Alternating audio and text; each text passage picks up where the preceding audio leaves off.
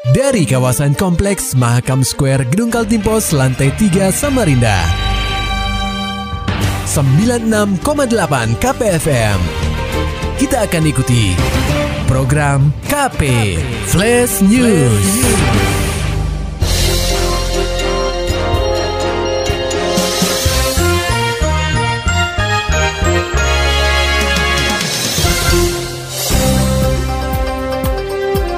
Pendengar KP, Komisi Pemilihan Umum atau KPU Samarinda melaksanakan rapid test atau tes cepat terhadap 18 ribuan anggota KPPS dan petugas pengamanan TPS yang akan bertugas di 1962 TPS di kota tepian. Hasilnya, ada seribuan lebih anggota KPPS yang memperoleh hasil reaktif. Rapid tersebut dilakukan sejak anggota KPPS dan TPS dikukuhkan pada 24 November silam. Pada Senin 30 November 2020 lalu terdapat 670 orang yang mendapat hasil reaktif. Hari demi hari jumlahnya terus bertambah. Ketua KPU Samarinda Firman Hidayat saat dikonfirmasi lewat saluran telepon mengatakan, petugas yang mengantongi hasil reaktif bakal melakukan swab test antigen. Udah, mulai hari ini mungkin dari Vaskes sudah melakukan swab antigen uh, uh. untuk nama-nama yang diketahui reaktif dan perlu dilakukan swab karena begini cara medis orang yang sudah pernah kena dan dia sudah sembuh itu tetap akan reaktif hasilnya. Hmm. Nah tapi dia tidak berpotensi untuk menularkan, makanya itu nggak bisa. Nanti kalau yang sudah pernah sembuh itu nggak di swab itu. Selanjutnya dia menjelaskan jika dari satu TPS ada dua orang yang memperoleh hasil positif COVID-19 dari swab antigen, lima orang lain di TPS yang sama tetap dapat melanjutkan tugasnya. Sementara itu mendengar KP, pertemuan tahunan Bank Indonesia digelar virtual, hilirisasi industri pokok bahasan di Kaltim. Laporannya disampaikan reporter KPFM Samarinda, Maulani Alamin. Pendengar KP, Pertemuan tahunan Bank Indonesia digelar secara virtual pada Kamis 3 Desember 2020. Sejumlah agenda penting hingga program berkelanjutan demi memulihkan stabilitas ekonomi pasca COVID-19 dibahas dalam kegiatan terbesar Bank Sentral di tanah air itu. Kepala Kantor Perwakilan Bank Indonesia Kaltim Tutuk SH Cahyono mengatakan, semangat membangun kembali ekonomi mulai terlihat sejak adanya geliat hilirisasi. Menurut dia, Kemajuan industri pengolahan crude palm oil atau CPO menjadi biodiesel sangat membantu pertumbuhan ekonomi di Kaltim, sebab tidak lagi bergantung pada produk mentah. Uang peningkatan pertumbuhan ekonomi yang bersumber dari domestik maupun eksternal. Beberapa di antaranya adalah peningkatan kinerja di industri pengolahan seiring membaiknya kinerja pengolahan migas, penambahan kapasitas industri pengolahan P30, dan berlanjutnya pembangunan berbagai proyek strategis Kemudian investasi dengan diterbitkannya Undang-Undang Cipta Kerja dan serta pembangunan infrastruktur penunjang IKN akan mendorong perekonomian Kaltim tumbuh lebih tinggi lagi. Sementara itu, Gubernur Kaltim Isra Nur mengapresiasi gelaran pertemuan tahunan Bank Indonesia. Dia menyebutkan, dalam mendukung percepatan pemulihan ekonomi, Pemprov bakal melancarkan kerjasama dengan beberapa pihak dari luar negeri. Yang paling penting, tadi kalau kita ingin membangun sebuah rencana, nah memang harus bekerja sama. Kita tidak bisa bekerja sendiri, tapi harus bekerja sama. Demi mewujudkan hal itu, Isran mencontohkan beberapa negara, seperti China salah satunya. Menurutnya, China berpotensi menyediakan kebutuhan-kebutuhan yang bisa memenuhi kebutuhan Indonesia, khususnya Kaltim. KPFM Samarinda, Maulani Al-Amin melaporkan. Beralih ke berita selanjutnya, Wakil Ketua DPD RI Mahyudin melakukan kunjungan kerja ke Kaltim untuk melakukan pengawasan tahapan pilkada serentak di Benua Etam. Laporan selengkapnya akan disampaikan oleh reporter KPFM Samarinda, Muhammad Nur Fajar. Pendengar KP, Wakil Ketua Dewan Perwakilan Daerah Republik Indonesia, Mahyudin, bersama jajaran anggota DPD RI lainnya, melakukan kunjungan ke Benua Etam untuk melakukan tugas pengawasan terhadap penerapan undang-undang atau UU dalam hal ini, UU Pilkada. Provinsi Kaltim menjadi salah satu daerah yang akan menyelenggarakan pelaksanaan pesta demokrasi serentak di Indonesia pada 9 Desember 2020 nanti. Atas dasar itu, Mahyudin bersama anggota DPRD lainnya menyambangi Kaltim untuk melakukan koordinasi dengan pihak terkait mengenai pelaksanaan pilkada serentak. Kebetulan Kaltim juga salah satu yang akan melaksanakan pilkada serentak tanggal 9 Desember 2020 ini dan kami akan e, berkoordinasi dengan semua pihak terkait berkaitan dengan persiapan pelaksanaan pilkada tahapan-tahapannya maupun juga protokol kesehatannya karena pilkada sekarang ini berada di tengah e, pandemi COVID-19 di mana memang keselamatan masyarakat itu adalah hukum tertinggi ya di dalam kita berbangsa dan bernegara.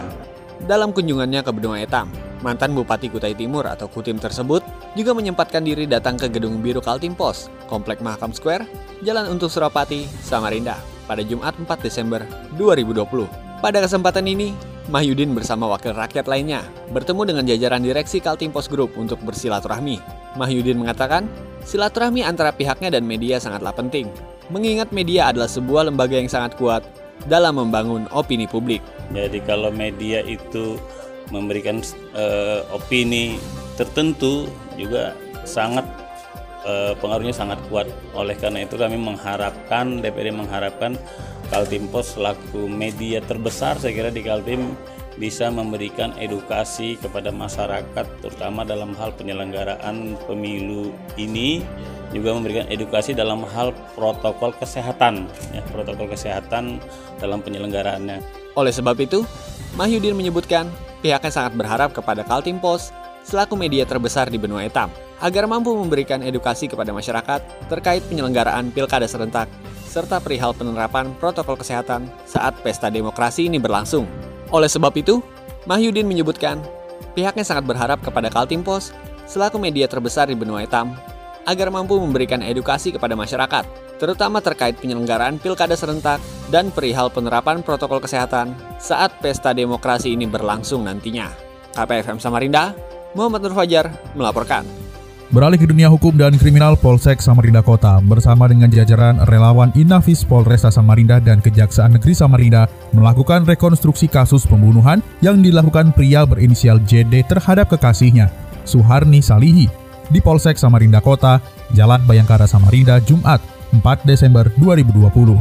Dengan dibalut baju oranye, JD memperagakan aksinya mulai dari sebelum membunuh kekasihnya di sebuah kamar kos di Pelita 4 Perumahan Sambutan Asri, Kecamatan Sambutan, Minggu 15 November 2020 lalu, hingga saat melarikan diri ke wilayah Kutai Barat atau Kubar. Kanit Reskrim Polsek Samarinda Kota Ibtu Rifan Widyadira Arya Putra menuturkan, dari 21 adegan yang sudah diperagakan, semakin jelas bahwa motif yang dilakukan tersangka untuk membunuh korban lantaran sakit hati karena kerap diperlakukan tak manusiawi. Ada 21 reka adegan tadi yang sudah kita lakukan dan kita dapat melihat jelas bahwa uh, dari ketika tersangka masuk sampai membunuh korban sampai dia melarikan diri total ada 21 reka adegan. Ancamannya Pak? Ancaman hukuman 12 tahun. Ancaman hukuman 12 tahun kurungan penjara. Menambahkan pernyataan Rifan, jadi menyebutkan motifnya melakukan pembunuhan ini karena sakit hati diperlakukan seperti pelayan. Meski sudah menikah siri pada tahun 2019, dirinya dan sang kekasih memang kerap terlibat cekcok. Hingga puncaknya pada saat tragedi berdarah tersebut. Sakit hatinya karena yang saya diperlakukan yang nggak enak lah di rumah tangga. Saya jadi dijadikan pembantu sama dia. Hmm. Dia kerja apa pak? Ya sama-sama juga. Sama-sama kita jualan. Jualan, jualan ya? apa? Sembako. Oh jualan sembako. di tempat di kampung dia. Bapak betul nggak pak? Katanya kan ada kayak melarikan uang mahar pernikahan. Sebelumnya. Uang enggak ada. enggak ada ya? 11 juta itu enggak ada tuh bohong dia aja. Oh, 13 juta tuh enggak ada. Enggak ada ya? Iya. Terpisah, Jaksa Penuntut Umum atau JPU dari Kejaksaan Negeri Samarinda Subandi menerangkan, berdasarkan 21 adegan yang sudah diperagakan tersangka, pihaknya sudah mendapat gambaran jelas mengenai kronologi pembunuhan. Kan karena korbannya pelaku mengaku sakit hati. Uh, jadi gini, tadi kita memang sudah menyaksikan ya dari 21 adegan yang sudah direkonstruksikan tadi. Uh, kita lihatlah uh, kronologis ceritanya seperti itu ya. Hmm. Namun secara berkas lengkapnya kan kami selaku JPU belum menerima nih. Hmm. Jadi nanti setelah berkas ini kita terima, tentu dari alat bukti yang ada dalam berkas baru nanti kita bisa mengetahui hmm. apakah ada perencanaannya atau tidak. Hmm. Nah, itu nanti setelah kami terima keseluruhan berkas perkara. Ketika disinggung mengenai adanya unsur pembunuhan berencana, Subani menegaskan pihaknya belum bisa memastikan hal tersebut karena belum menerima berkas secara lengkap. Untuk sementara, JD akan dijerat dengan pasal 338 KUHP Jungto 351 KUHP ayat 3 dengan ancaman pidana 12 tahun penjara. Kita beralih ke dunia olahraga pendengar KP pasca masa transisi selama sebulan. Atlet hoki outdoor tim PON Kaltim menjalani tes fisik lari jarak 400 meter di Stadion Aji Ibut, Kutai Kartanegara. Hal ini diungkapkan manajer tim hoki Kaltim Syamsul Nur melalui pelatih hoki Kaltim Ino. Kemudian, setelah usai masa transisi tersebut, Pemprov Federasi Hoki Indonesia atau FHI Kaltim melaksanakan tes fisik internal hoki. Hal ini diakuinya bertujuan untuk memasuki masa persiapan umum di tahun 2021 mendatang dengan diikuti oleh seluruh atlet baik putra maupun putri. Uh, untuk persiapan umum dengan program tahun 2021. Oh, itu artinya sudah masuk yang baru lagi gitu ya? Iya. Setelah ya. pasca rehat itu ya? Ya, eh, pasca uh, apa sih namanya transisi? Uh, transisi, habis transisi. Hmm. Saat disinggung mengenai hasil tes fisik lari 400 meter tersebut, Ino mengatakan kondisi atlet dalam keadaan stabil. Maulani Alamin, Muhammad Nur Fajar, KPFM Samarinda. Serta dapatkan berita-berita selengkapnya di www.968kpfm.co.id. Demikian tadi telah kita simak rangkaian berita-berita yang terangkum dalam program KP Flash News. Persembahan dari 96,8 KPFM. Terima kasih dan sampai jumpa.